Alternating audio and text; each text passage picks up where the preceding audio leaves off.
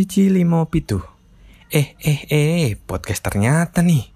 Halo, selamat datang di podcast Ternyata. Kembali lagi bersama aku, Bobby Akbar Faris. Nah, di episode kemarin kita telah membahas nih tentang apa itu Prisma, terus apa saja proker yang ada di Prisma, departemen apa saja yang ada di Prisma, dan masih banyak lagi yang sudah dibahas di episode 2 kemarin. Kali ini kita beranjak dulu nih dari hal-hal yang berbau tentang Prisma. Topik podcast pada episode kali ini adalah gimana sih cara dapat beasiswa yang pastinya dengan master beasiswa siapa lagi kalau bukan Mas Afdal. Waduh, bener gak nih Mas Afdal? Ah, bisa aja. Oke, Mas Afdal ini. Oke, gimana nih Mas? Apa kabar? Alhamdulillah sehat, alhamdulillah. Bobby gimana kabarnya? Alhamdulillah baik banget nih Mas Afdal. Uh, lagi lagi sibuk apa nih Mas sekarang? Untuk saat ini saya lagi sibuk internship sama mengerjakan skripsi sih. Oh iya, semoga dilancarkan terus ya Mas, segala urusan yang sedang dijalankan. Nah, Mas Abdal nih, kita kan udah bahas uh, tentang Prisma banget nih di episode sebelumnya. Kayaknya kita move on dulu nih Mas dari hal-hal yang mengenai Prisma. Mungkin bisa uh, perkenalan dulu Mas, karena kan dari tadi cuma sebut nama aja nih. Siapa tahu teman-teman pendengar podcast pada hari ini belum tahu siapa Mas Afdal. Uh, perkenalan dulu dari Mas Afdal. Oke, boleh. Baiklah, saya akan memperkenalkan diri teman-teman. Nama lengkap saya itu Afdal Hafiz Mukani. Jadi uh, saya biasanya dipanggil dengan nama Afdal. Saya uh, angkatan 2017 di jurusan agribisnis Fakultas Pertanian Universitas Brawijaya gitu. Ternyata angkatan kita sama ya Mas Afdal. Mungkin gimana nih Mas? Lebih baik manggil Mas atau manggil nama aja nih biar lebih akrab gitu? Manggil nama aja. Nama aja kali ya biar lebih iya. kayak lebih akrab gitu. Hmm, jadi buat teman-teman yang udah dengar, udah kenal kan siapa Mas Afdal. Oke nih Dal, yang pertama dan awal banget nih sebagai pembuka. Uh, beasiswa itu apa sih Dal dan kategorinya dalam uh, beasiswa itu? Oke, jadi uh, apa yang akan saya bicarakan adalah apa yang saya ketahui gitu ya. Jadi beasiswa itu sebenarnya adalah sebuah bantuan dari pihak mana pun yang dapat berupa uh, sangu dapat berupa pembiayaan SPP begitu kan. Kemudian dapat berupa barang mungkin gitu. Jadi hal-hal yang diberikan oleh pihak lain kepada kita yang tujuannya adalah untuk uh, mensejahterakan diri kita begitu. Entah itu seperti membantu dari perekonomian ataupun dari hal-hal lainnya seperti itu. Kemudian untuk kategori beasiswa itu biasanya uh, dibagi dari beberapa gitu. Ada yang beasiswa full, ada yang beasiswa parsial gitu kan. Maksudnya gimana? Contoh kita sebagai saya berbicara sebagai mahasiswa. Kalau beasiswa full itu berarti mungkin bisa uh, eh, SPP atau UKT dalam perkuliahan itu dibiayai sepenuhnya dari semester 1 hingga semester 8 gitu. Kemudian ada juga yang beasiswa parsial gitu kan uh, kenapa gitu? Mungkin ada masa kontraknya gitu. Jadi hanya dibiayai UKT selama satu tahun atau dua tahun gitu. Ada juga yang beasiswa tidak hanya uh, tidak melakukan uh, apa namanya bantuan dari pembiayaan UKT, tetapi hanya cukup untuk diberi uang sangu untuk belajar begitu. Itu juga ada begitu. Kemudian ada ada pula beasiswa yang hanya memberikan uh, program untuk uh, meningkatkan kualitas dari diri kita sendiri itu juga ada gitu. Jadi beasiswa itu macam-macam itu. Gitu, Bobby. Oke, jadinya banyak banget sebenarnya kategori-kategori dalam beasiswa itu. Oh iya, Dal. Untuk mendapatkan beasiswa dari masing-masing kategori itu gimana sih cara singkatnya, Dal? Oke. Jadi kata kuncinya gimana jadi, sih biar kita mendapatkan gitu ya? Iya, benar banget. Ya. Jadi dari apa yang saya pengalaman, dari apa yang saya dapatkan gitu dari pengalaman pribadi, saya memperoleh uh, memperoleh dua beasiswa selama perkuliahan ini bukan uh, hal yang gampang menurut saya gitu kan. Jadi kata kuncinya di sini adalah kita harus benar-benar melihat beasiswa itu membutuhkan siapa gitu. Siapa yang mereka cari. Terus apa tujuan dari beasiswa itu gitu kan. Nah, dari persyarat dari hal-hal yang kita perhatian kita perhatikan itu tadi pasti mereka memi, uh, meminta persyaratan begitu kan. Contohnya seperti meminta esai gitu ya. Kemudian mungkin ada interview gitu kan setelah kita mengetahui ini beasiswa, oh ini beasiswa ini bergerak di bidang ini, penyelenggaranya bergerak di bidang ini gitu kan. Kita sematkan hal-hal tersebut, informasi-informasi yang kita dapatkan itu ke dalam esai ataupun uh, interview gitu. Jadi mereka itu uh, saat mereka melakukan screening dari persyaratan-persyaratan yang telah ada, menurut pendapat saya, saya harus buat bagaimana mereka tuh berpikir, oh ini anak udah mempelajari dalam terkait beasiswa ini nih, ini anak udah mempelajari dalam terkait dengan uh, saya sebagai penyelenggara, ini patut dipertimbangkan gitu. Itu Bobby. Jadinya uh, tahapannya banyak banget ya, dapat biar bisa dapat suatu beasiswa gitu ya. Iya, mungkin uh, aku mau nanya lagi nih Del, yang terkait tadi kategori-kategori tentang uh, beasiswa itu. Kan uh, yang aku dengar terkadang kan ada beasiswa berprestasi, ada beasiswa apa? Uh, tahfiz Quran dan juga uh, ada beasiswa kurang mampu. Lah, mungkin bisa dijelaskan nih Del dari beasiswa-beasiswa itu seperti apa? Oke. Baiklah. Jadi terkait dengan uh, beasiswa kurang mampu ya terkait dengan beasiswa kurang mampu uh, meskipun biasanya ini ada ada rasa dilema gitu kan kenapa dilema dilihat dari uh, pendapatan orang tua pas-pasan tidak berlebihan juga tetapi tidak kurang juga gitu kan. Kan dilema gitu kan. Aku ini merasa kurang mampu atau enggak gitu kan. Aku ini pantas gak gitu kan. Kan kadang uh, mahasiswa itu memikir, memikirkan hal tersebut gitu kan. Tapi menurut saya nggak apa-apa, coba aja kalau untuk uh, ada kriteria beasiswa kurang mampu gitu kan, nggak apa-apa. Mau mau kamu pendapatannya berapa atau bagaimanapun kamu coba aja gitu. Karena uh, yang saya alami itu pasti mereka tetap uh, mempertimbangkan segala hal gitu kan. Uh, secara holistik kalau dibilang bahasa kerennya gitu kan. Karena uh, mereka kalau beasiswanya dari mm, perusahaan misalnya ada persyaratan uh, bagi khusus yang kurang mampu gitu kan. Nggak apa-apa kamu coba aja gitu. Karena yang saya alami perusahaan-perusahaan itu pasti juga mencari mahasiswa-mahasiswa yang menurut mereka pantas gitu. Gak hanya dari uh, kurang dilihat dari ekonominya saja enggak kemudian ada namanya beasiswa prestasi. Dilihat dari nama dari garis bawahnya aja kan sudah jelas bahwasanya uh, beasiswa ini membutuhkan mahasiswa-mahasiswa yang memiliki prestasi gitu kan. Dari mahasiswa-mahasiswa yang memiliki prestasi itu di screening sama dia mana yang terbaik. Itu kita udah bisa jelas uh, jelas banget kita mengetahui kemudian ada namanya beasiswa tafis Quran saya juga pernah dengar gitu kan uh, menang tafis Quran kemudian uh, disekolahkan di Aero misalnya gitu kan nah itu kan ada syarat khusus yang mereka butuhkan gitu untuk mendapatkan hal tersebut kita harus ahli dalam bidang itu. Kalau kalaulah kita eh, belum memiliki keahlian di dalam hal tersebut, mau daftar juga gak masalah. Tapi kan kita harus juga mengetahui eh, persentase kemampuan yang ada diri kita ini bagaimana gitu. Wah jadinya sebenarnya banyak banget ya Dal yang bisa kita dapatkan.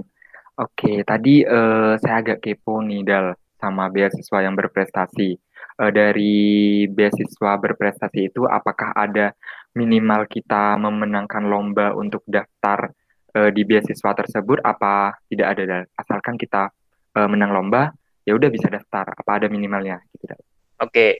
uh, meskipun dari saya pribadi ini uh, bukan penerima beasiswa prestasi gitu ya tetapi apa yang saya ketahui gitu kan karena kan saya sebelum mendapatkan dua beasiswa ini saya kan mencoba terus banyak saya kan mencoba banyak uh, daftar gagal, daftar gagal, daftar gagal gitu kan. Dari setiap kegagalan saya belajar gitu. Yang saya dapatkan uh, tidak ada minimal uh, ketika diisyaratkan harus memiliki prestasi minimal gitu kan. Kalau nggak ada persyaratan itu, meskipun teman-teman hanya punya satu prestasi, nggak apa-apa daftarkan aja gitu ya. Nah prestasi itu tidak hanya dilihat dari kamu memperoleh medali, kamu memperoleh sertifikat, enggak. Karena prestasi itu uh, luas cangkupannya.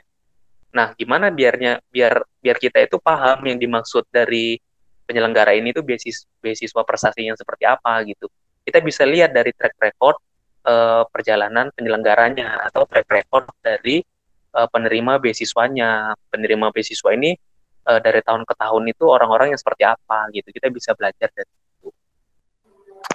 Oh iya, jadinya uh, banyak banget ya. Oh iya, mungkin uh, terkait itu juga apa uh, untuk beasiswa itu dalam satu tahun kita tuh bisa boleh mendapat uh, lebih dari dua beasiswa atau satu beasiswa saja sih Dal? Kalau boleh tahu? Oke okay, oke. Okay. Jadi itu balik lagi ke uh, beasiswa tersebut, gitu kan? Beasiswa ini itu sifatnya mengikat atau enggak?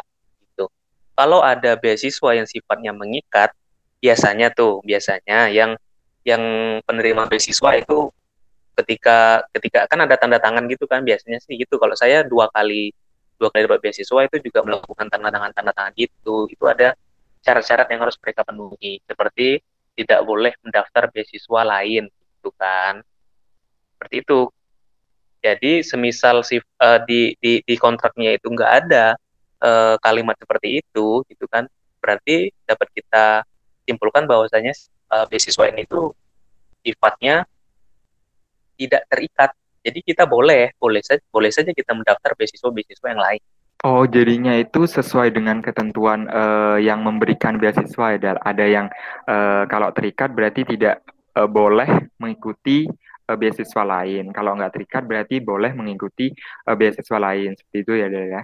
Iya benar, karena kalau ketentuan hal tersebut itu penting banget karena kalaulah misalnya terikat terus uh, teman-teman melanggar itu bisa saja kemungkinan uh, nya diputuskan beasiswanya atau lebih buruk lagi disuruh mengembalikan uh, benefit yang sudah kita dapatkan selama ini gitu. Itu kan jadi repot jadi bumerang buat kita sendiri gitu kan jadi kita harus benar-benar uh, jeli untuk melihat ke detail-detailan seperti itu dalam Oh, oke oke Del. Uh, kembali lagi kita ke apa beasiswa yang berprestasi nih tadi kan.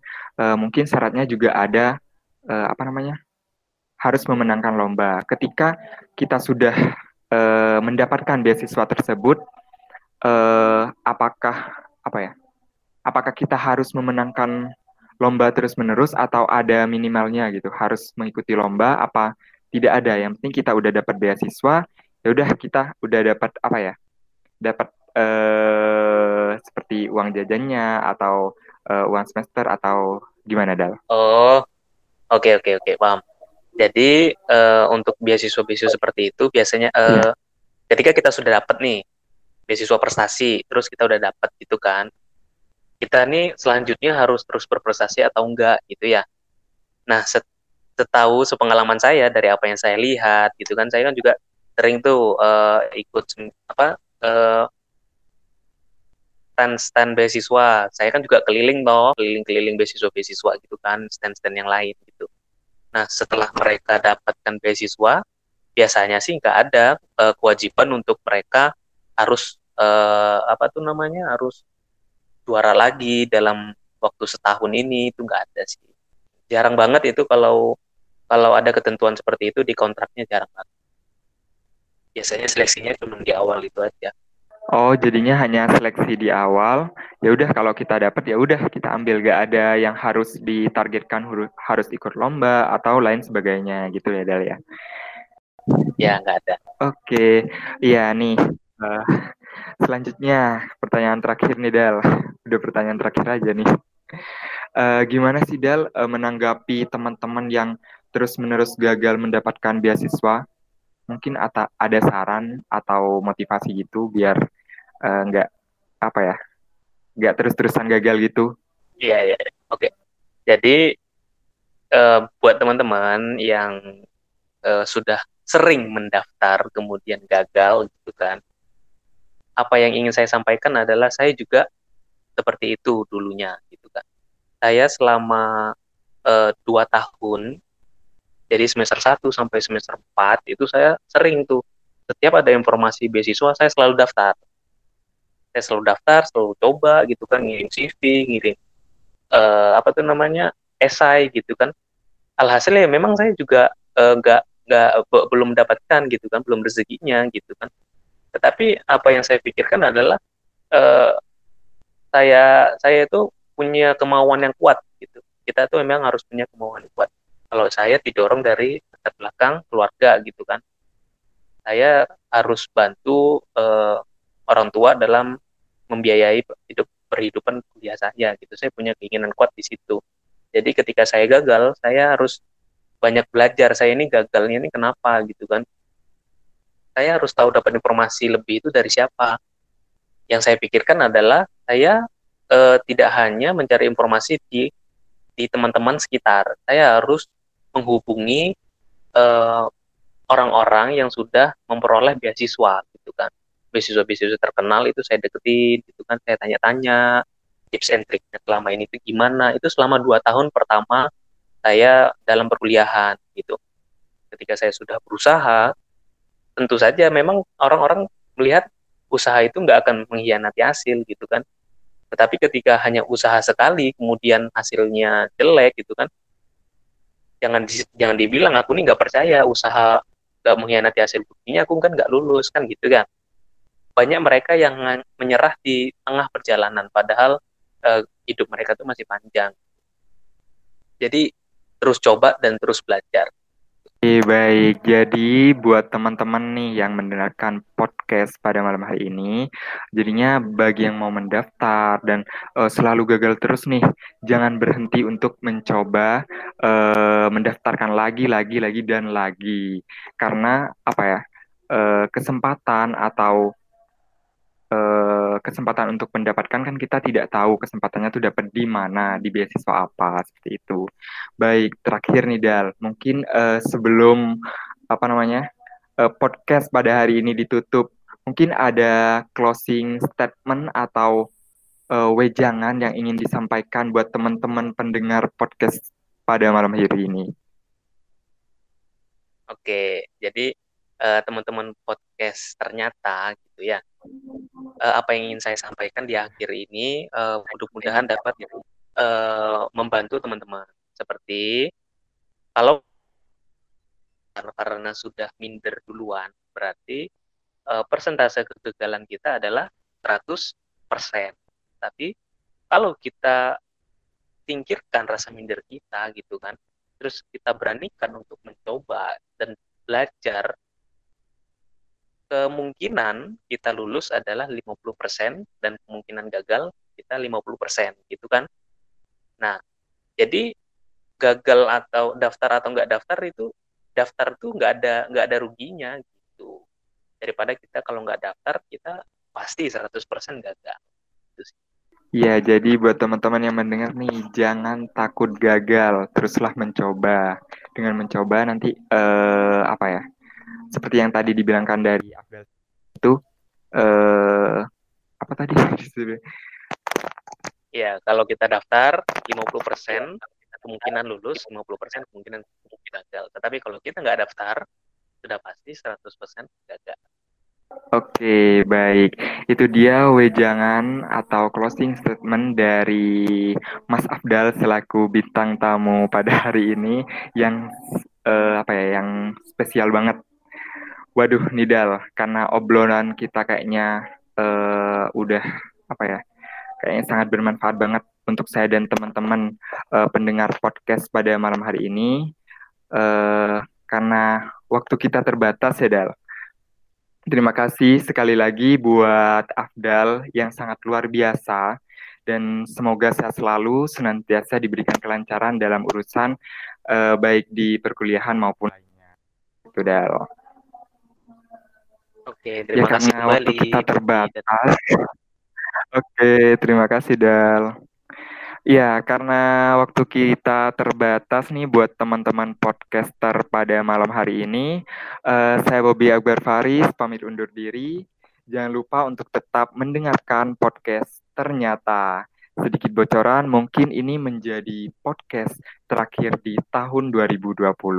Saya dan segenap pengurus Prisma mengucapkan terima kasih atas segala support dari teman-teman. See you di tahun 2021 dan mungkin akan ada yang baru di podcast ternyata tahun depan. Oke, terima kasih teman-teman. Bye. Bye-bye.